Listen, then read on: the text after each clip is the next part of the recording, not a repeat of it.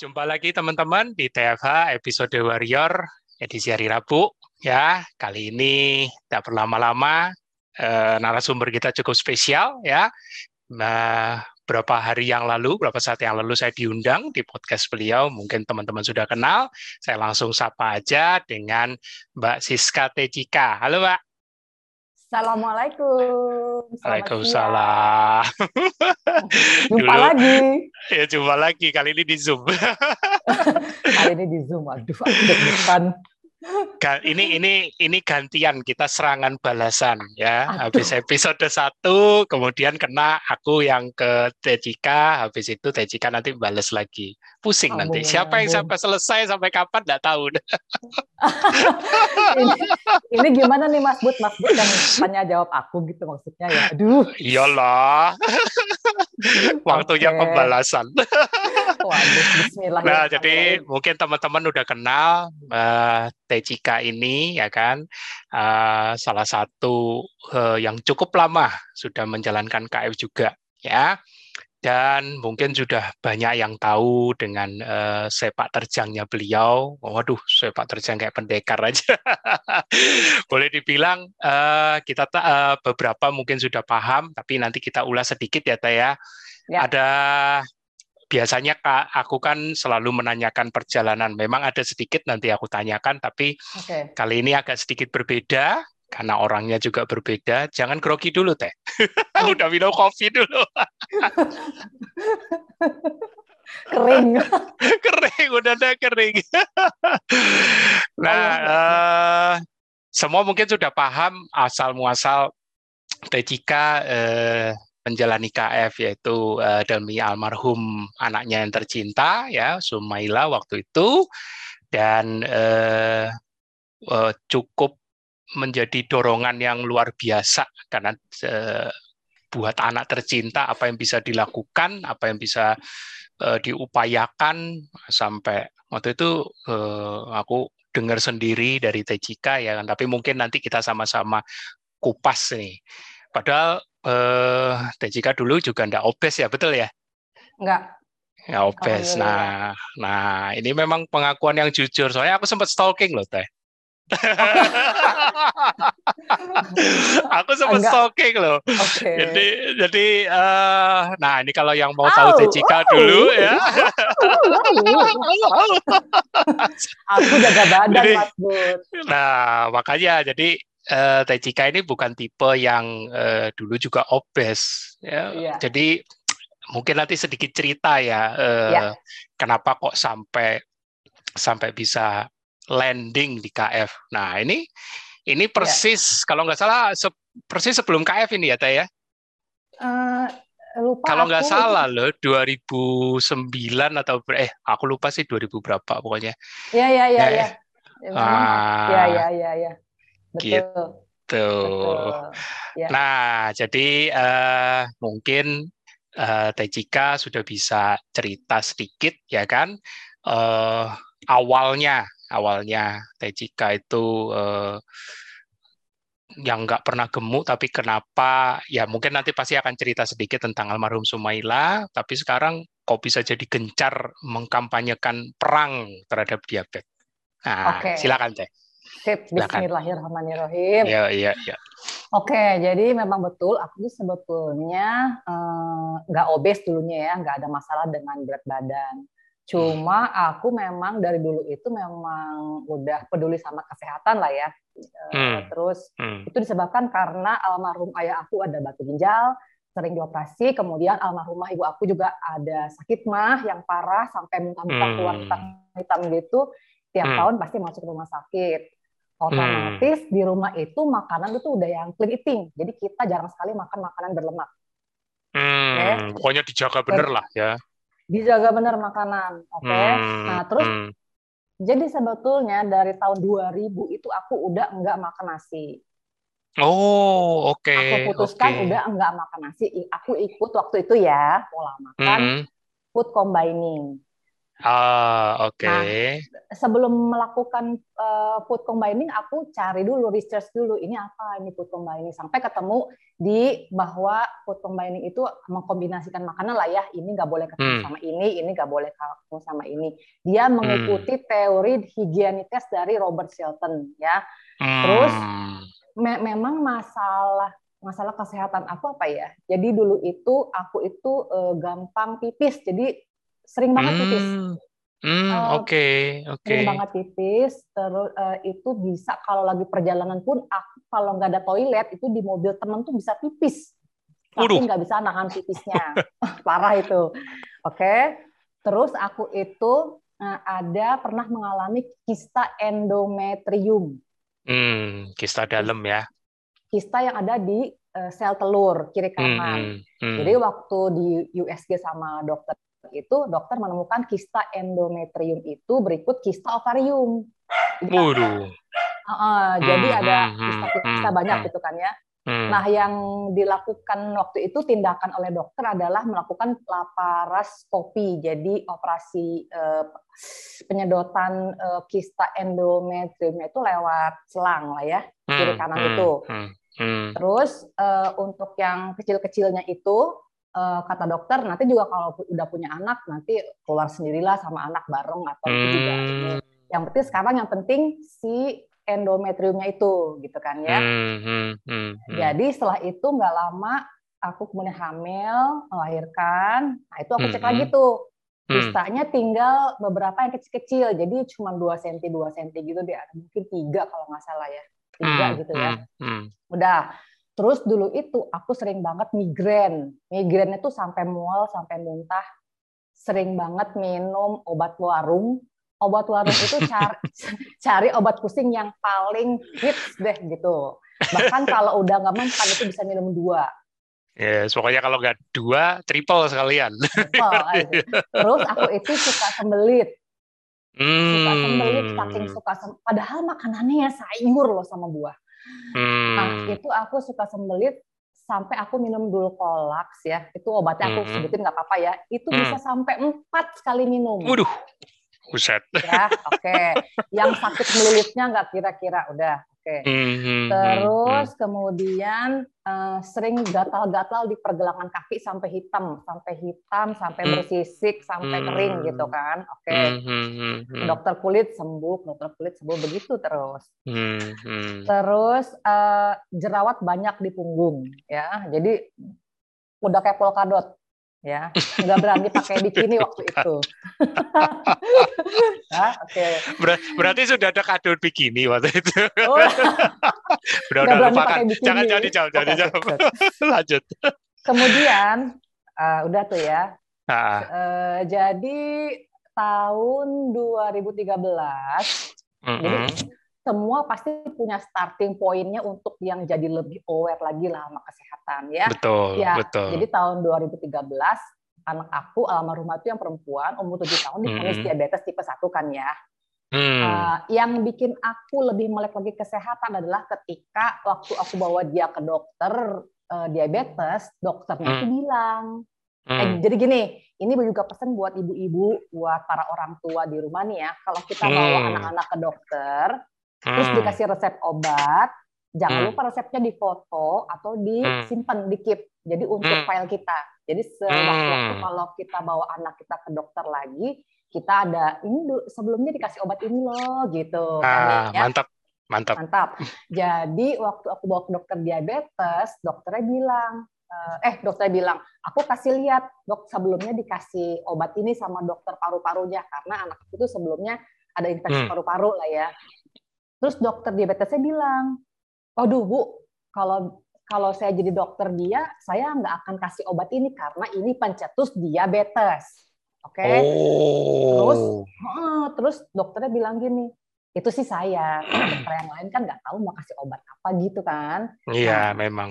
Betul. Uh, uh, jadi semenjak saat itu anak saya difonis diabetes tipe 1 harus suntik insulin sebelum makan. Hmm, Udah hmm, tuh. Hmm. Dari situ saya nggak percaya sama namanya dokter, ya kan ya. Wah ini hmm, gara-gara trauma, dokter betul, ya. Betul, Trauma. Jadi hmm, uh, saya minta tolong sama apa Tuhan, sama Allah. gimana caranya buat nyembuhin anak saya saya mau nyembuhin anak saya sendiri gitu kan udah yep. nah yep. sambil berjalan sambil berjalannya waktu itu saya cobakan semua tuh uh, pola makan ke anak saya berdua dengan saya ya food hmm. combining udah nggak bisa food combining karena tetap yeah. dia masih mengkonsumsi banyak karbohidrat kan ya betul, terus betul. gula darahnya udah uh, melejit turun bebas turun melejit turun melejit, bebas, turun bebas. Okay. Hmm. Hmm. terus uh, hiromisinya. Nah, hiromisinya itu mulai sampai ke perut ke usus. Hmm. Karena waktu itu juga hmm. ada petunjuk dari Allah dari Tuhan. Uh, saya ketemu sama quotes iya. sama yeah. sabda baginda Rasulullah sama quotes ah. dari dok uh, sama quotes dari dokter Socrates so, Hippocrates ya bahwa Hippocrates. semua penyakit Hippocrates, hmm. Hippocrates bahwa hmm. semua penyakit hmm. itu uh, berasalnya dari perut. Nah, hmm. kalau perut kita kan tanggung jawab kita tuh apa yang masuk ke perut yep. kita. Nah, kalau yep. perut anak kita itu tanggung jawab kita kan orang tuanya kan. Yep. Berarti yep. ada yang salah nih. Saya kasih makan anak saya salah nih selama ini gitu kan. Mm, nah, mulai mm, itu belajar hiromisinya, teori-teorinya, mulai ikut gaya makan hiromisinya, kemudian juga ikut pola makan dokter Tan Sotyen, ya kan? Um, tapi tetap namanya gula darah anak kita tuh ya tetap naik hmm. turun naik turun. Sampai saya bingung ini gimana ya? Salah terus sampai akhirnya hmm. satu waktu hmm. ketemu sama hmm, YouTube-nya dokter Natasha Campbell McBride jadi kan ternyata hmm. uh, diabetes yang dialami oleh anak aku kan diabetes tipe 1 diabetes yeah. tipe 1 itu karena kondisi autoimun ya kan? Hmm. Nah, hmm. dokter Natasha Campbell McBride ini adalah dokter ahli gizi dan ahli syaraf yang mengobati anaknya dengan cara uh, out of the box. Jadi dia tidak menemukan cara melalui apa yang dia pelajari selama ini, hmm. dia melalui nutrisi ya. Anaknya hmm. kan mengalami autis, autoimun juga. Nah, hmm. hmm. di protokolnya itu Mas Bud, hmm. uh, ada fase-fase, ada fase, ada tahap awal, itu tahap eliminasi semua makanan dieliminasi jadi karena autoimun itu salah satu penyebabnya adalah leaky gut gitulah ya usus hmm. retak-retak usus bocor hmm. jadi hmm. kalau mau ngebenerin usus itu kita harus mengeliminasi makanan-makanan yang mengandung pengawet lah yang mengandung apa lagi tuh hmm. bu buatan pabrikan lah makan makanan hmm. yang alami lah nah makan hmm. makanan yang alami pun dipilih yang nggak membebani pencernaan karena kita kan hmm. tujuannya mau ngebenerin pencernaan kan ya Betul. makanan alami yang nggak membebani pencernaan adalah yang mengandung yang terbuat dari hewani dan lemaknya Wih, tuh, jadi okay, kayak ngeklik banget. tuh ya. Terus nanti ada tahap kedua. Tahap, tahap keduanya mengenalkan serat, mengenalkan kembali makanan yang mengandung hmm. serat, yang ada beban hmm. buat ke apa ke usus. pencernaan, hmm. ke usus. Hmm. Kalau ternyata ini uh, di apa malah menimbulkan flare balik lagi ke iya, iya. yang pertama. Oke, itu iya, ada tiga, fase pertama. tiga Udah. Hmm. Tapi tapi waktu itu aku mau nanya ke siapa ya kan waktu mau iya. waktu jadi kita tahu informasi dari dokter di luar negeri misalnya nih ya.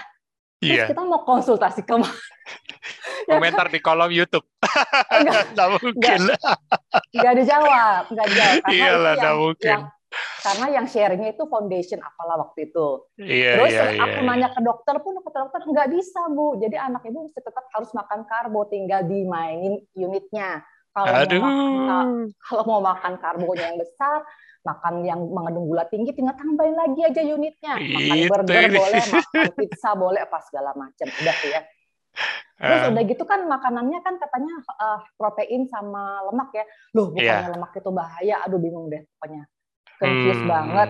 Jadi aku hmm. nggak ketemu tuh jawabannya sampai ketemuan dua eh, sampai kemudian Oktober 2015 aku ketemu lagi nih dengan informasi dari eh, YouTube dan artikel dokter Jokers lah, dokter Hmm. Eric Hmm. lah tentang ketogenik. Dibilangnya ketogenik itu bisa nyembuhin diabetes, apa namanya tuh Hmm. jantung, cancer, bla bla Hmm. bla bla, ya kan ya. Hmm, hmm, Begitu aku pelajari, eh jadi benar informasinya Ngeklik sama yang tadi ya. ngeklik ya sama yang tadi gitu. Jadi sebetulnya kita bisa pakai sumber energi bukan cuma dari gula tapi dari lemak juga. Nah, Hmm. anak kita yang diabetes tipe 1 ini kan udah nggak bisa pakai gula ya. Maksudnya Iya, udah badannya udah betul. nggak bisa ngelola gula. Berarti benar ini seharusnya bisa pakai yang satu ini gitu. Hmm, okay? Mikir sederhananya begitu tuh seorang oh, ibu. benar. Jadi dan, dan, dan kebetulan anak aku itu yang uh, mau makan apa aja demi supaya dia enggak disuntik. Dan aku itu waktu itu oh, pahamnya. Oke. Okay. Dan waktu itu aku uh, kenapa ya ragu ngasih. Jadi nggak paham ya karena kurang paham ya Mas Bud. Iya paham. Uh, tahu, tahu, uh, tahu. Jadi karena katanya gosipnya kan uh, suntikan insulin itu terbuat dari babi ya. Aduh, udah macam-macam udah pokoknya. Terus jadi aku kan, aduh ini gimana caranya supaya anak gua nggak disuntik gitu kan ya yeah, kali yeah, makan. Yeah, terus yeah. Uh, padahal sih memang harus disuntik terus ya. Uh, hmm, terus jadi uh, ini bagus nih, uh, dek kita coba yuk. Akhirnya kita hmm. cobalah Oktober 2015 kita coba berdua. Bener hmm, tuh. Hmm uh, jadi cuma makan hewani sama sayuran ya ditinggalin hmm. lah nasi merah ditinggalin lah kentang ditinggalin itu gula darahnya enggak sampai di atas 200 pokoknya itu 150 Wih. lah ya kan kalau biasanya tuh. udah 300 400 ya uh, itu anak aku itu sering kali ngalamin gula darah tinggi sampai HI high infinity uh, tinggi tak terbatas. Oke. Okay. Masya Allah. Nah terus uh, jadi itu kita jalanin berapa hari ya? Itu kita hentikan karena ternyata hmm. godaan di luar tuh lebih banyak. Ini hmm. anak kalau di sekolah kan teman-temannya kalau istirahat apa yang diminum susu kemasan, french fries, spaghetti, bla bla bla akhirnya dia akal-akalan yeah. dia akal-akalan tukeran makanan sama temennya tinggi hmm. lagi gula darahnya. Hmm. Nah, kemudian aku bilang sama anak aku kan, yaudah deh kita nggak usah ketok-ketokan deh gitu, kamu balik lagi aja. Daripada gitu. pusing. Daripada pusing. Iya iya iya jadi nggak lama setelah itu anak aku pingsan, mual-mual pingsan, nggak sadar, belum kita bawa ke ICU, dibawa ke hmm. dokter, hmm. kata dokter itu kena ketoasidosis. Ya. Hmm, okay. Padahal sebelumnya saat belajar ketogenik itu, aku belajar ketoasidosis gitu loh teman-teman. Oke, okay? hmm. hmm. jadi kalau diabetes tipe 1 khusus, hmm. udah nggak udah nggak usah cari keton lagi, udah nggak usah cari ketosis lagi, oke? Okay? Hmm, hmm, Dia hmm. su memang sudah menggunakan bahan bakar eh, keton karena gula pun dia nggak dapet, apalagi kalau nggak hmm. dibantu sama suntik insulin. Hmm. Makanya ketoacidosis hmm. itu bisa terjadi di cuma di diabetes tipe 1 karena gula darahnya tinggi, ketonnya juga tinggi. Hmm. Uh, yang aku nggak pahamin itu kan kemarin begitu ya. Jadi hmm. anak aku itu nggak aku suntik insulin karena aku girang hmm. lihat gula darahnya tinggi hmm. gitu hmm. Hmm. Udah tuh uh, eh, tapi nggak lama setelah itu ya kira-kira sebulan ya eh, bukan jadi tujuh minggu di ICU kemudian anak aku uh, ya namanya juga ketoasidosis yeah, ya yeah, ada pada yeah, pembengkakan di uh, apa kegagalan ginjal terus bengkak yeah, yeah. pembengkakan di di otak jadi yeah. uh, apa kemudian It's okay. It's okay. It's okay.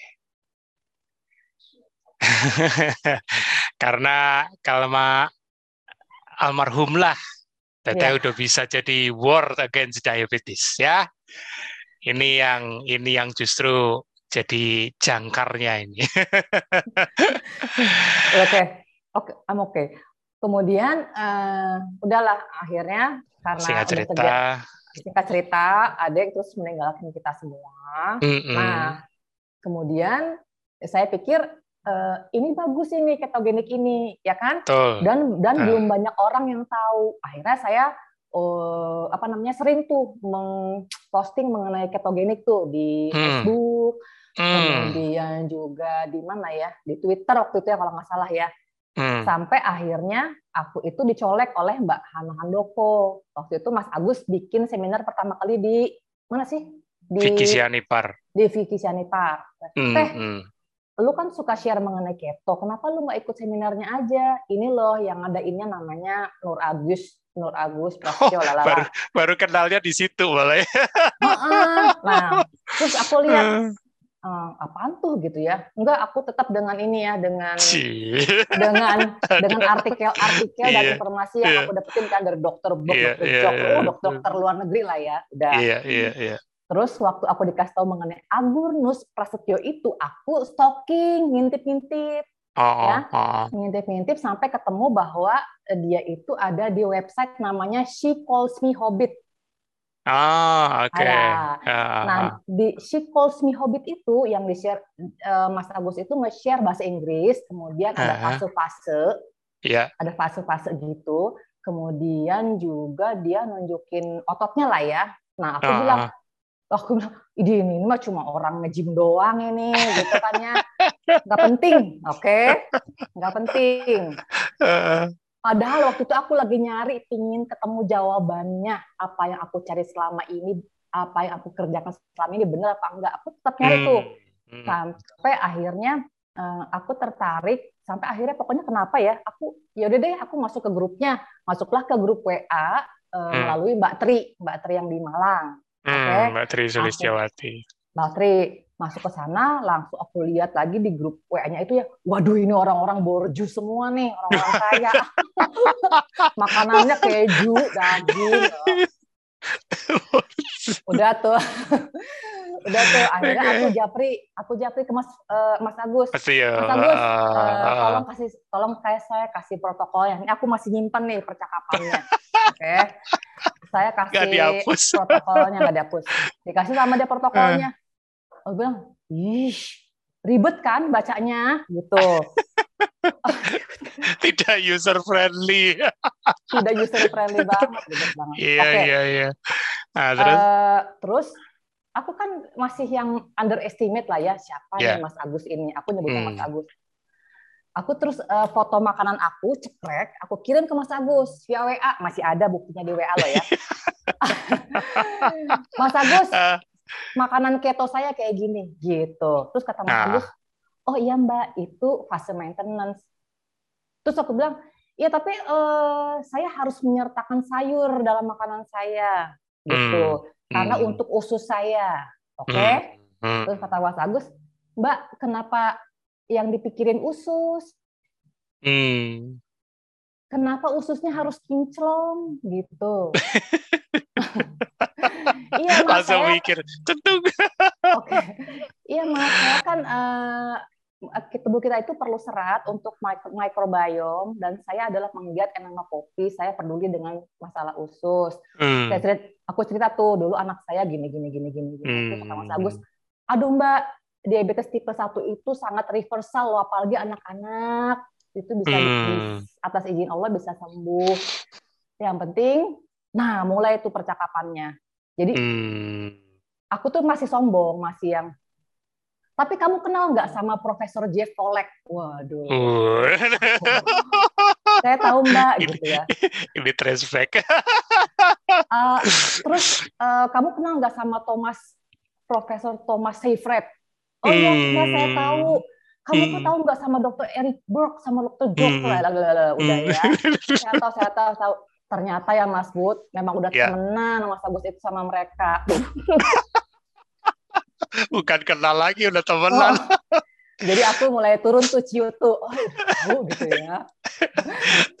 Tapi Terus? tapi ini tapi ini berkesan. Ada momen-momennya Tete ternyata pernah sombong sekali ya. sombong banget nggak mau ya tapi Terus- tapi wajar. Itu manusiawi karena apa?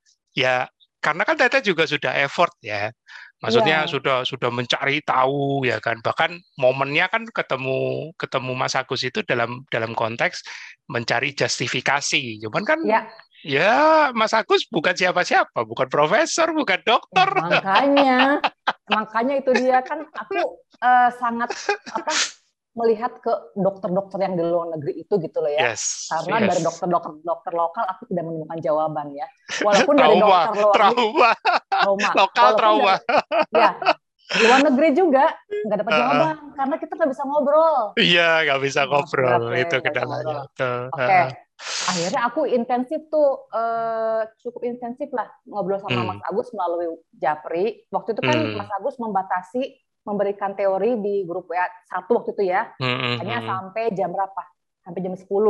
Hmm. Waktu itu aku ngobrol sama Mas Agus sampai malam deh pokoknya sampai dia bela-belain ngeyakin bukan ngeyakinin ya memberikan apa ya pencerahan pencerahan hmm. dan semua jawaban yang aku cari selama ini ada di penjelasan dari Mas Agus itu. Hmm. Oke. Okay? Udah, aku bilang oke, okay, nating tulus nih ya Dua hmm. masalah BB nggak ada, aku masalah hmm. BB nggak ada. Hmm. Hmm. Kalau ini memang harusnya dijalani oleh almarhumah anak aku, aku akan menjalankannya hmm. untuk anak aku, untuk okay. anakku, oke. Okay. Hmm. Hmm. Udah tuh, mulai ikutan. Uh, jadi alat cek gula darah yang bekas dipakai oleh anak-anak aku tuh aku pakai, oke. Okay? Hmm. Hmm. Hmm. Hmm. Jadi katanya kan kejar GDP ya kejar GDP itu aku sampai tiga bulan enggak turun-turun GDP-nya jadi aku turun-turun. Kesel kesel okay? akhirnya aku baca lagi di grup ih ada yang WF apa itu WF cuman minum air putih doang sama minum kaldu aku ikut WF oke? Okay? nekat. Nggak pakai nanya nggak pakai mempelajari dulu apa itu WF aku WF dan dalam keadaan menstruasi teman-teman. Wih, Gak boleh Jagoan ya. Leon. Jagoan Leon. Nah, waktu WF itu hari hmm. pertama WF aja itu gula darah aku enggak makan apa-apa 125 miligram per nah, desiliter. Nah, lo. Aku protes, aku protes sama Mas Agus. Mas, kenapa nggak makan apa-apa? Gula darah gue tinggi gitu. Gula darah aku tinggi. Mas Agus, berarti Mbak selama ini mengalami resistansi insulin lah, pola hmm. makan oke, hmm. oke aku ikutin terus. Jadi itu setelah aku WF baru kemudian satu minggu, dua minggu kemudian baru steady tuh di bawah 80. Uh, uh. Aku, nge WA ke Mas Agus, Mas Agus boleh naik, naik, naik konsol konsol. Oh ketemu sayur, oke. Okay. Masih ngejar menu. ketemu sayur ya teman-teman udah ketemu sayur uh, udah seminggu gula darahnya tetap di bawah. Tanya lagi Mas Agus Mas Agus gimana nih? Uh, ya udah naik fase gitu ya. Naik fase maintenance uh -huh. naik lah makan buah. Oke udah makan buah. Udah makan buah. Nah lihat teman-teman kan pada jajan kue tuh ya. Jadi fase maintenance udah boleh makan kue belum Mas Agus? Boleh. Makanlah kue aku kan makanlah kue belanja belanja Nah, eh, aku mau cerita, jadi waktu aku uh, ikut uh, keto fastosis ini dari fase induksi, fase konsol, fase maintenance, itu yang aku alami hanya alhamdulillah sakit perut itu di hari pertama, hari kedua, hari kedua hmm. fase induksi hmm. itu lagi detox hmm. kali ya, perut hmm. sakit tapi cuma sebentar, udah gitu selesai, oke? Okay? Hmm. Gak lama kemudian di minggu kedua, minggu ke, minggu kedua itu gatel semua di pundak sampai hmm. nggak hmm. tahan sampai aku WA siapa ya? Oh di grup kali ya. Ini gimana hmm. kalau gatel? Ya udah pakai apa minyak zaitun, PCL, hmm. hmm udah ya. Hmm. Akhirnya karena aku nggak tahan, aku biarin aja. Udah deh bodo amat sampai lupa sendiri. Oh udah sembuh. Oke. Oke. Terus uh, nah ini dia nih tahun 2017 hmm. eh jadi sebelum 2017 aku karena aku suka makan kue ya dan udah boleh hmm. makan kue jadi hmm. aku belajar bikin kue nanya ke Mas Agus Mas, Mas Agus kalau resep normal resep tepung terigu di ke ketoin tuh gimana sih oh ya, hmm. ya Mbak nanti tepung mm, terigunya eh tepung almondnya pakai setengahnya aja atau tepung keto pakai setengahnya aja apa gimana nah aku hmm. mulai itu belajar belajar belajar sampai akhirnya aku bisa baking 2016 hmm. aku merasa lebih berenergi, ya ya kan. Hmm. Hmm. Kemudian juga nggak lapar-lapar, hmm. ya tahan lapar. Terus juga hmm. aku mulai tuh olahraga, ya. Hmm. Terus 2017 aku mulai bikin kue, mulai jualan kue. Hmm. Terus mulai makin jadi Superman, Wonder Woman kali ya. Kenapa aku bilang Superman, Superwoman? Karena aku itu kuat nggak makan, malah hmm. makin berenergi. Terus karena tuntutan kehidupan lah ya, jadi aku hmm. harus bikin kue begadang. Jadi pagi aku kerja sampai sore, malam hmm. aku bikin kue. Jadi kalau hmm. dulu itu aku suka jam 10 itu suka nge-WA teman-teman warrior tuh, ting tong waktunya istirahat gitu kan. itu TikTok waktu ya lu bikin kue. Tingtong, waktunya teman-teman istirahat, aku bikin kue teman-teman. Oke. Okay. Jadi, jadi itu benar-benar uh, aku begadang. Jadi jam 2, jam 3 baru tidur. Ya. Hmm. Uh, begitu terus setiap hari. Nah sampai kantor pun supaya nggak ngantuk siangnya aku olahraga. aku olahraga. Terus karena belum lapar, aku makannya nanti jadi di rumah. Ya, Hmm. 2017 masih jadi jagoan. 2018 mulai tuh yang namanya kulit menghitam. Hmm. Terus timbul apa? Eh, hitam-hitam flek-flek di wajah. Hmm. Oh, flek. Hmm. Oke. Okay. Hmm. Hmm. Terus mulai naik berat badan. Nah. Jadi, nah, uh, aku kuru. Jadi gini, aku tuh olahraganya kan high intensive intensity sama angkat beban. Hmm angkat hmm. beban dumbbell dan angkat beban kehidupan. Hmm. Terus udah gitu, kok otot aku nggak ada. Aku udah olahraga kayak gimana pun juga otot aku nggak ada. Terus aku tuh malah tambah berat secara timbangan ya. Yeah. Terus secara penampakan banyak sekali apa namanya tuh uh, apa namanya yang kayak kulit jeruk nih selulit. Selulit. Hmm. Selulit ya ke mana ototnya? Kok makin banyak selulit? Padahal aku kurus.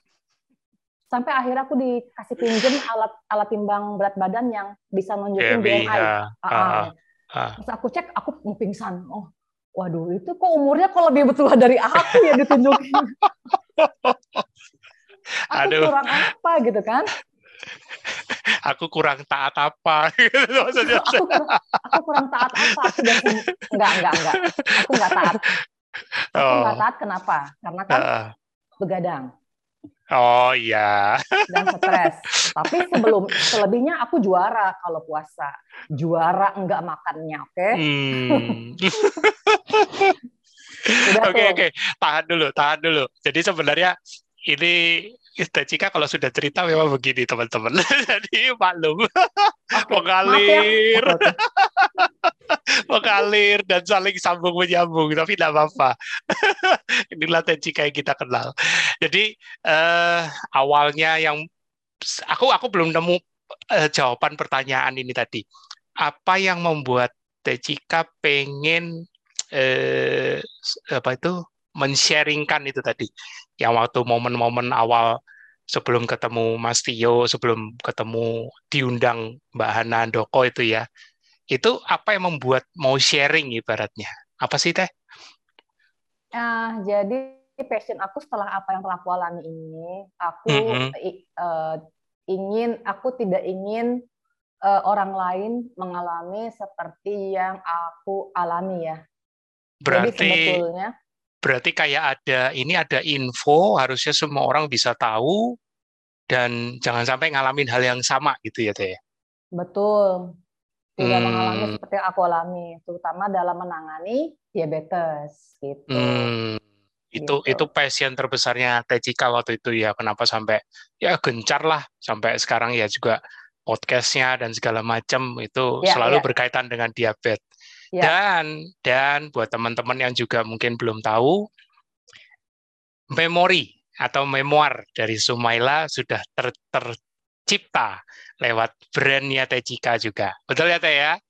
Alhamdulillah. Sumaila Cake Bake with Love. Itu luar biasa. itu tadi sampai passionnya Tejika itu waktu TikTok itu itu tandanya udah mulai baking. Aduh, jangan ditiru ya teman-teman. Benar-benar.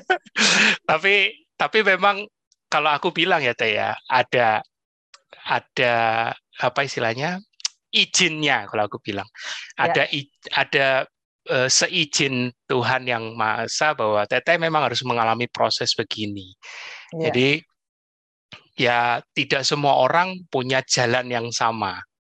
Tapi ya sama, mungkin aku di eh, teman-teman yang lain juga tahu aku juga pernah di tahun pertama over WF ya kan. Dan itu yang menyadarkanku bahwa tuh ternyata nggak bisa sembrono.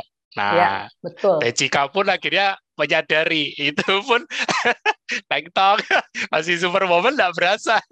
Iya. Apalagi itu tadi 2017 loh, sepanjang 2017. 2016-nya fine. cuman sakit perut aja ya kan HC-nya itu sama yang gatel-gatel di punggung ya.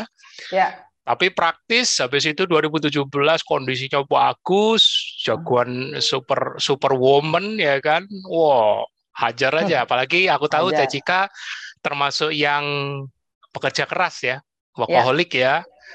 Dan dan itu aku tahu benar itu.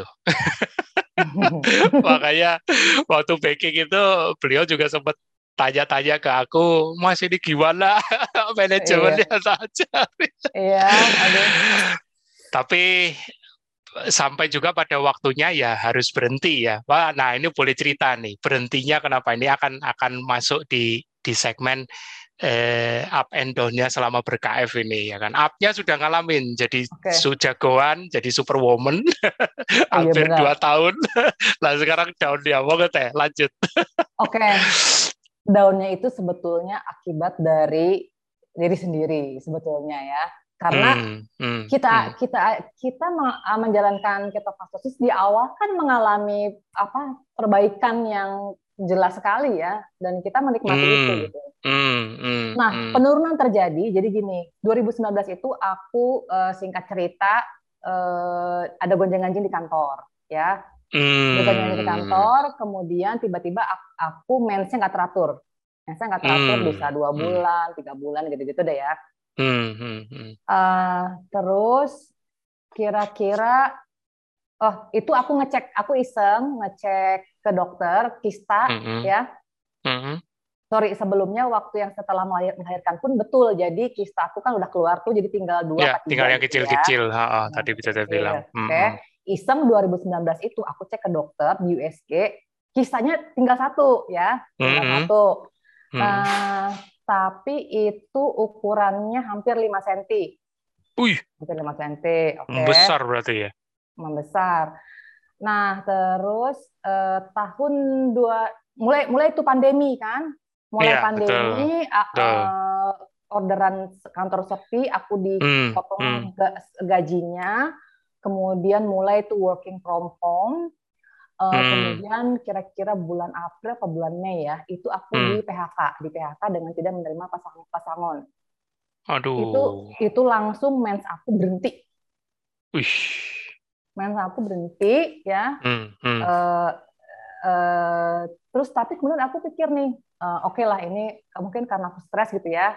Nah, hmm. tapi dari situ aku udah mulai perbaiki itu, udah tidur udah aku perbaikin, ya aku makan juga udah teratur lah ya. Hmm. Jadi hmm. ma eh, makan banyak lah istilahnya. Hmm. Uh, terus tapi kan stres stres masih belum nih ya. Hmm. Jadi bulan Mei, Juni, Juli, Agustus, September, terus saja sampai hmm. aku aku akhirnya nanya Mas Bud apa sama Cimina tuh ya, hmm. kok belum hmm. juga sih gitu. Nggak ya. beres-beres. Nggak beres-beres. Terus kata Mas Bud, ya belum lah mungkin butuh waktu karena kamu membocorkannya aja itu udah bertahun-tahun ya kan hmm, terus udah hmm. gitu yang dialami oleh badan kamu itu kan stres hmm, dan hmm. segala macam yang sumber daya nutrisi yang dipunyai oleh badan kita tuh habis gitu loh ngisinya hmm, hmm. mungkin butuh waktu oh iya Mas Bud oh ya Cimina gitu kan ya hmm, hmm, hmm. nah alhamdulillah uh, Desember lah ya Desember 2020 tuh akhirnya mens mens lagi Syukurlah. Dan, itu aku tetap, jadi aku hentikan puasa intermittent fastingnya. Aku hmm. uh, kemudian makan lah ya, tapi makan tetap yang di koridor. Oke. Okay? Hmm. Hmm. Aku alhamdulillah tidak menggunakan suplemen sih ya. Jadi aku hmm, tetap hmm. aku bayar tidur aku berbulan-bulan itu aku bayar tidur yang selama ini kurang selama berapa tahun tuh ya. Kemudian aku tiap kali ada waktu untuk istirahat aku tidur. Kan? siang tidur walaupun cuma aku tidur ya. Hmm. Nah, baru kemudian setelah itu uh, ada apa? TS, TFH, SFH uh, mengenai ya uh, termasuk yang Zoom yang Mas Agus itu yang 10 jam yeah, ke, yeah. kejawab semuanya. Oh, hmm. berarti aku itu kemarin mengalami mal adaptasi ya. Yeah. Oh, adaptasi. Oh, oh, Kemudian oh. yang aku yang aku jalankan adalah hibernasi yang disarankan oleh Mas Agus sekarang ini hmm, kan ya. Hmm, hmm, hmm. Jadi itu aku tidak konsul sama siapa-siapa, tidak juga curhat sama siapa-siapa. Aku benerin sendiri lima pilarnya. Paham gak sih Mas Bud? Jadi iya.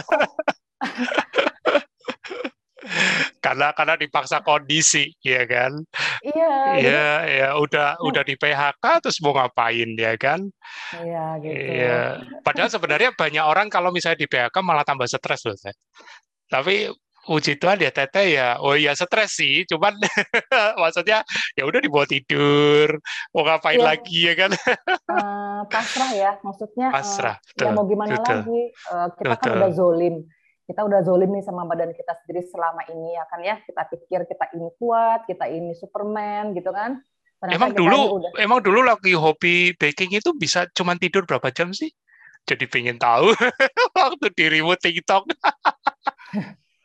jam 2, jam 3 baru tidur. Oke. Okay?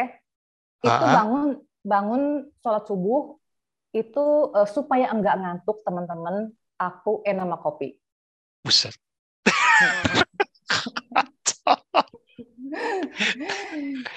Aduh. Jadi, diri, dirimu cuma dirimu cuma tidur berapa jam berarti? Pokoknya itu uh, unspeakable, unspeakable. Bayangkan teman-teman sumber sumber apa pun nutrisi yang kita punya, upaya yeah, yang kita yeah, yeah. lakukan dengan pola makan sehat mana pun juga ambiar udah habis iyalah, udah, oke? Okay? Iyalah, Tidak, iyalah. Ya kan Mas Bud? Nggak tidur. Iya, iya. Terus enak sama kopi. Terus nggak makan lagi. Terus apa lagi? Mm -mm, Stres. Mm -mm. Udah komplit mm -mm, semuanya. Udah komplit. Dan itu hebatnya lagi nggak nggak terasa loh setahun lebih loh ya setahun oh. lebih kan merasa oh. kayak jagoan itu kan oh, merasa kayak bener superwoman itu iya kan ya, betul kan lupa, itu bikin lupa diri beneran itu mm -mm, itu luar biasa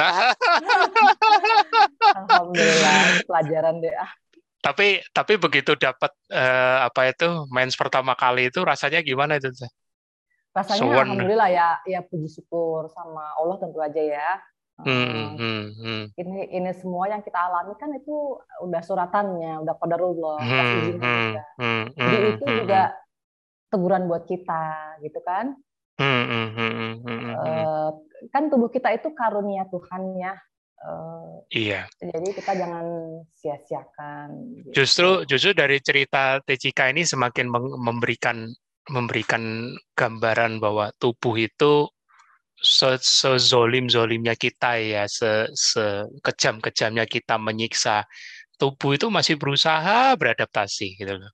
Betul, tanpa kita ketahui, terus aja tanpa dia. Tanpa kita ketahui, uh. tanpa kita sadari ya kan. Nah, ini tapi begitu diberikan kesempatan untuk tarik napas ya kan?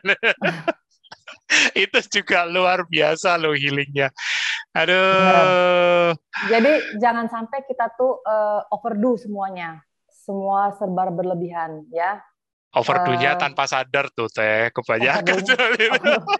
Akumulasi jadi teman-teman. jangan diulang. Berarti sekarang nggak nggak pernah lagi TikTok kan teh? Nggak pernah. Jadi uh, memang ya gimana ya memang betul itu kita harus biasakan jadi tidur jam 9 jam 10 tuh memang kalau kita udah paksain harus tidur jam segitu udah rutin jam segitu aku hmm, masih olahraga hmm. tetap ya tiap pagi aku aku masih olahraga tidur udah hmm, sudah teratur hmm, stres hmm. aku masih yang PR juga sih. Iya. Uh, terus kalau makan aku juga udah uh, makan deh buat badan gitu. Hmm. makan buat badan. Teh sedikit nih sedikit. Kalau dulu kan eh, kebayang ceritanya Tejika eh, stresnya waktu di kantor ada pandemi kemudian di PHK belum lagi urusan urusan orderan baking segala macam ya kan? Kalau sekarang kan eh, sudah nggak kerja ya kan? Kira-kira stresnya lebih ke sisi mana teh yang belum selesai? Sedikit penasaran. Habis tadi bilangnya masih ada masih VR gitu. oh ya stresnya tuh lebih kepada ini aja ya sama uh, emotional management aja. Emotional oh. Management. ya nggak tahan kalau lihat sesuatu yang salah ya. ya gemes, kan. gemes. aku mungkin ada ini juga tuh ada yang lagi mus apa lagi ngetren tuh OCD, obsessive compulsive disorder. Jadi aku tuh orangnya kan memang sebetulnya perfeksionis ya. Jadi kalau ada yang nggak beres, ah. yang nggak lurus, nggak sesuai dengan aturan, lah migrain sampai mual-mual, sampai mau muntah gitu. Oh pernah ya? Pernah ya begitu ya? Iya. pernah ya? Oh. Kalau kata-kata kalau kata orang sakit jiwa itu. tapi tapi itu tapi itu mengafirmasi loh bener loh bahwa kita kalau kita stres nggak disadari ya itu efeknya bisa sampai kayak Tejika tuh mual migrain ya kan ya, ya, ya, bisa bener, sampai muntah-muntah Iya, iya. Ngalamin itu sendiri loh. Itu aku. Mas, Mas Budi juga tahu kan, aku orangnya sensi kalau dengar berita apa gitu. Kalau kalau nggak cerita sendiri kan nggak percaya. Benar. Penting itu manajemen stres. Karena benar-benar yang namanya sekarang ini apalagi ya, itu banyak sekali uh, stres yang dialami oleh teman-teman nggak disadarin lah stres tanpa hmm. disadari gitu. Betul. Satu hal juga aku yang eh, akhir-akhir eh, ini juga sering sering mulai kasih garis bawah ya bahwa sebenarnya lima pilar itu di KF bukan bukan semacam ajang eh, mempertahankan prestasi ya bisa dibilang kayak hmm. gitu. Jadi kadang-kadang eh, itu apa kalau sudah puasa bisa 24 gitu ya, 20 jam, 4 jam, 20 24 gitu ya atau Duh. bisa 22 dua gitu kan. Itu kalau omat, omat. kalau iya atau omat gitu. Terus begitu merasa lapar di pagi hari itu terus makan itu sesuatu hal yang kayak kayak membebani secara psikis bahwa ini kemunduran. Itu aku bilang itu salah besar. Yeah. Salah besar. Yeah. ya. Iya termasuk juga olahraga. Ya. Jadi yang awalnya bisa tiap hari, ya. bisa sekian kilo jalan, terus ya. pada satu hari, ya kok cuma satu kilo, stres. Iya betul, stres. Kayak It. yang, aduh ini kok jadi jadi turun gitu kemampuan badan. Nah itu, padahal hmm. sebenarnya sebelum mengalami itu sudah ada tanda-tanda yang sinyal-sinyal tubuh yang kadang-kadang kita sering abaikan gitu. Benar juga, benar. Benar. Itu. Aku ingat waktu itu Tejika juga telepon ke aku ya kan, yang yeah. sudah enam bulan kalau nggak salah, udah enam bulan recovery kok masih belum selesai. Aku bilang ya sabar. Iya, betul banget itu. Jadi memang butuh waktu dan kondisi tiap orang itu beda-beda recovery-nya. Ya. Iya, betul. Nah, sekarang kita kalau mau recovery itu mau penyelesaiannya istilahnya yaitu dengan cara mana juga bebas-bebas aja sih. Nah, aku memilih yes. kembali ke jalur yang benar. kembali memilih ketofastosis keto lah gitu. Iya, itu yang aku selalu bilang uh, juga ke teman-teman yang konsul baru juga tadi pagi juga uh, aku aku beritahu bahwa memang kalau sudah ber-KF itu goal pertama memang mencap, mendapatkan ketosis itu betul ya, ya kan maksudnya ya. dengan segala fisiologinya dan uh, mau lewat keto ketofastosis, ketogenik, low carb ya kan, BEBM apa pun lah mau keto vegan, carnivore boleh ya kan.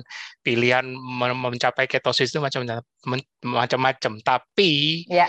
jangan berhenti hanya di selesai di ketosisnya tapi nextnya sebagai lifestyle itu harus harus bisa memaintain. Nah ini loh iya. menjaga menjaga keseimbangan. Kalau memang mau mempertahankan ketosis, jangan cuma lihat di makanan terus gitu iya. loh. Iya. Jadi ketosis itu bukan bukan tidak bisa ngalamin stres, ketosis bukan tidak bisa nanti kena penyakit, ya kan? Tapi coba aja kurang tidur. Nah, Tecika aja udah ngalamin. Ah, jangan, jangan. Itu benar-benar disaster bencana alam.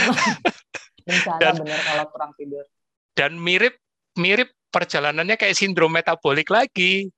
Ya, Selama setahun betul. itu tidak berasa masih betul. masih merasa superwoman ya, ya kan. Jadi gini Mas Put, bener nggak nih yang oh, aku pelajarin uh, oh, kenapa aku kan juga cari tahu kenapa kok badan aku tambah berat ya, tambah hmm. berat Hmm. Uh, salah satunya diakibatkan akibat dari kurang tidur, tidur di atas jam 22.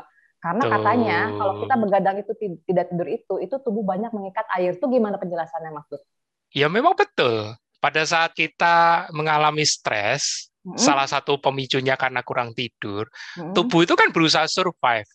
Respon tubuh terhadap stres itu tubuh berusaha survive. Nah, Oke. cara tubuh survive salah satunya apa? Dia restock lagi. Ya kan? Dia Oh. mengikat lagi, ya kan? Memperbanyak cadangannya lagi. Lah sementara Oh. kalau kita nggak paham, Hmm. ya kan? Kita merasa loh, kok performa menurun ya dengan Iya. dengan pola puasa dan pola aktivitas yang sudah berjalan. Iya. ah ini salah nih, mesti diketak, dikencengin lagi. Ya itu kayak memperbesar volume, volume stresnya. Tapi semakin semakin kayak adu kuat jadinya. Iya Iya, kan? Mirip kayak kita bergejala, kita minum obat. Misalnya kita pusing nih, ya kan? Kita minum obat. Begitu minum obat yang masih ukuran 50 mg, reda. Iya. Tapi kita lupa, kita nggak istirahat. Kita pikir kita Hmm. sudah mendingan, Hah? gejalanya sudah turun, Ya. kita bawa aktivitas lagi. Iya.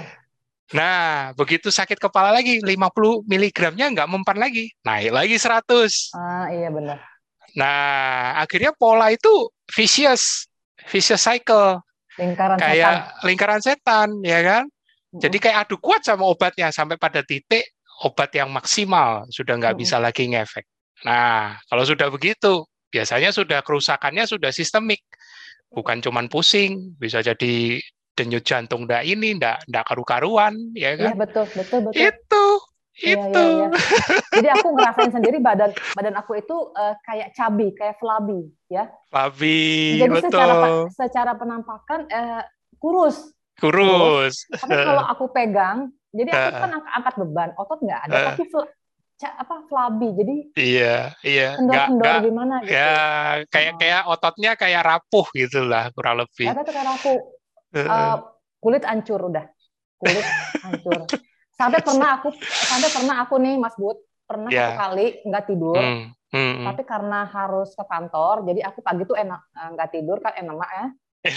Enama. Setelah setelah enama biar segar tuh maksudnya. Itu eh, kulit di bawah kulit itu kayak keluar kayak sarang tawon apa ya? Eh, bercak-bercak kayak sarang Oh, tawon. oh, oh, oh, oh.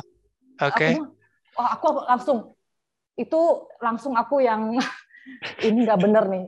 Saya telah melakukan sesuatu yang tidak benar selama ini gitu ya. Udah mulai itu Mas Bud, udah mulai yang mikir something is wrong, something wrong gitu. Cuman nggak ketahuan apa yang something wrong-nya, soalnya semua sesuai protokol, kesannya kan begitu. Yang penting aku udah panjangin puasa. Aku Nah, itu. Yang penting aku udah puasa. Hari ini Oh. sudah aktivitas, udah olahraga, ya kan? karena kan puasa itu kan eh, otofagi. Jadi aku eh, karena aku jadi aku ancurin juga tapi dia otofagi juga gimana dong? Bud? Salah ya? Iya, ya sekarang autofaginya kita pikir terjadi, sementara tubuh memang melakukan autofagi, tapi bukan untuk bebersih, ya kan? Yang dilakukan tubuh autofagi dalam kondisi stres itu malah semakin dia berusaha preserve, dia berusaha Oh. berusaha mempertahankan fungsi si- fungsi vitalnya, termasuk merestock cadangan vitalnya, makanya lemak makin tambah naik. Tapi umur metabolismenya tambah naik, makanya Teh Cika kaget kan di BMI umur kurang apa aku ini? Aduh ternyata kurang tidur Iya, sama kurang kurang makanya makan oh ya kalau sudah kena kurang tidur walaupun walaupun ketosisnya sudah berapa tahun pun juga akan ambiar. Serius? udah enggak harus Serius? pola makan jadi pola makan mana pun juga ya teman-teman pola makan sehat mana pun kalau kita kurang tidur udah itu bencana aja Iya, betul, betul. Kan berapa kali TFH juga ada tuh yang yang masih karbo, tahu-tahu terdeteksi trigliseridnya 2000 lebih ya, 3000 Ah, itu dia. lebih. Nah, Masih tertutupi sama glukosa. iya, Jadi itu kayak adu kuat juga. Waktu makan enak, segeran waktu makan. Tapi iya nggak bisa bohong lagi sampai suatu rentang waktu tertentu udah satu tahun atau berapa tahun meleduk nah, hasil hasil labnya nggak bisa dibohongi trigliserid Ya. sudah meleduk lah gitu Mm-mm. aduh keren teh tanpa Apa sadar loh satu jam. Maafkan aku ya, Mas Bu teman-teman. Kok dimaafin? Teman-teman juga kayaknya pingin terus. Tapi tidak apa-apa, nanti kita ketemu lagi di episode 2. Iya, Entah itu sama podcast Sumaila atau Tejika yang di TFA. Aduh. Eh, kasih dong closing statement buat teman-teman yang nanti menyaksikan rekaman video okay. ini. Silakan Teh. Ya, jadi gini aja teman-teman. Uh, buat teman-teman yang mungkin sedang mengalami sakit, yang belum coba ketofastosis atau pola makan sehat ya. Uh, jadi sebetulnya um, sakit itu nggak melulu kita harus bisa harus bisa diselesaikan dengan medis. Uh, itu haknya hmm. kita untuk memilih mencari opsi lain hmm. yang kita bisa lakukan secara alami berbarengan dengan medis karena tubuh kita itu uh, adalah uh, makhluk paling sempurna yang diciptakan oleh Tuhan punya hmm. sistem punya mekanisme punya organ semua bisa uh, bekerja selama ini untuk kita tanpa kita sadari tanpa kita ketahui itu bekerja sesuai dengan SOP-nya ya hmm, hmm. mereka mereka berusaha menyeimbangkan ya tubuh kita hmm. uh, terus mendetoksifikasi membunuh ra, mengeluarkan racun membunuh uh, virus patogen tanpa kita ketahui selama ini hmm. kalau ada keluhan dari badan di badan kita misalnya sakit atau keluhan kayak gitu itu berarti ada protes dari badan kita atas hmm. perlakuan kita selama ini hmm. ya untuk mengembalikan, memperbaiki kondisi kita itu selain dengan medis nih kalau bingung nih udah berobat hmm. tapi nggak sembuh-sembuh berarti obat nggak menyembuhkan kan ya mungkin hmm. kita bisa ambil cara alami dengan melakukan perubahan uh, pola makan ya, hmm. ya pola makannya banyak nih teman-teman pola makannya hmm. banyak nah ini adalah ketofastosis salah satu uh, ikhtiar lah ya hmm. uh, pola pola makan uh, untuk memperbaiki kesehatan. Nah, kalau yep. ikhtiar ini kita lakukan seumur hidup, kita putuskan ternyata bermanfaat buat kita, nah itu yang kita jadikan lifestyle. Yes. aku aku menggarisbawahi kenali badanmu sendiri. iya betul. Uh, kenali yeah. badan kita sendiri karena untuk memperbaiki tubuh kita itu ya kita harus memberikan dia kondisi yang tepat buat dia perbaikan, buat dia detox, buat dia membangun lagi dirinya sendiri dengan cara hmm. puasa. Hmm. Ya puasanya hmm. terserah puasa apa aja.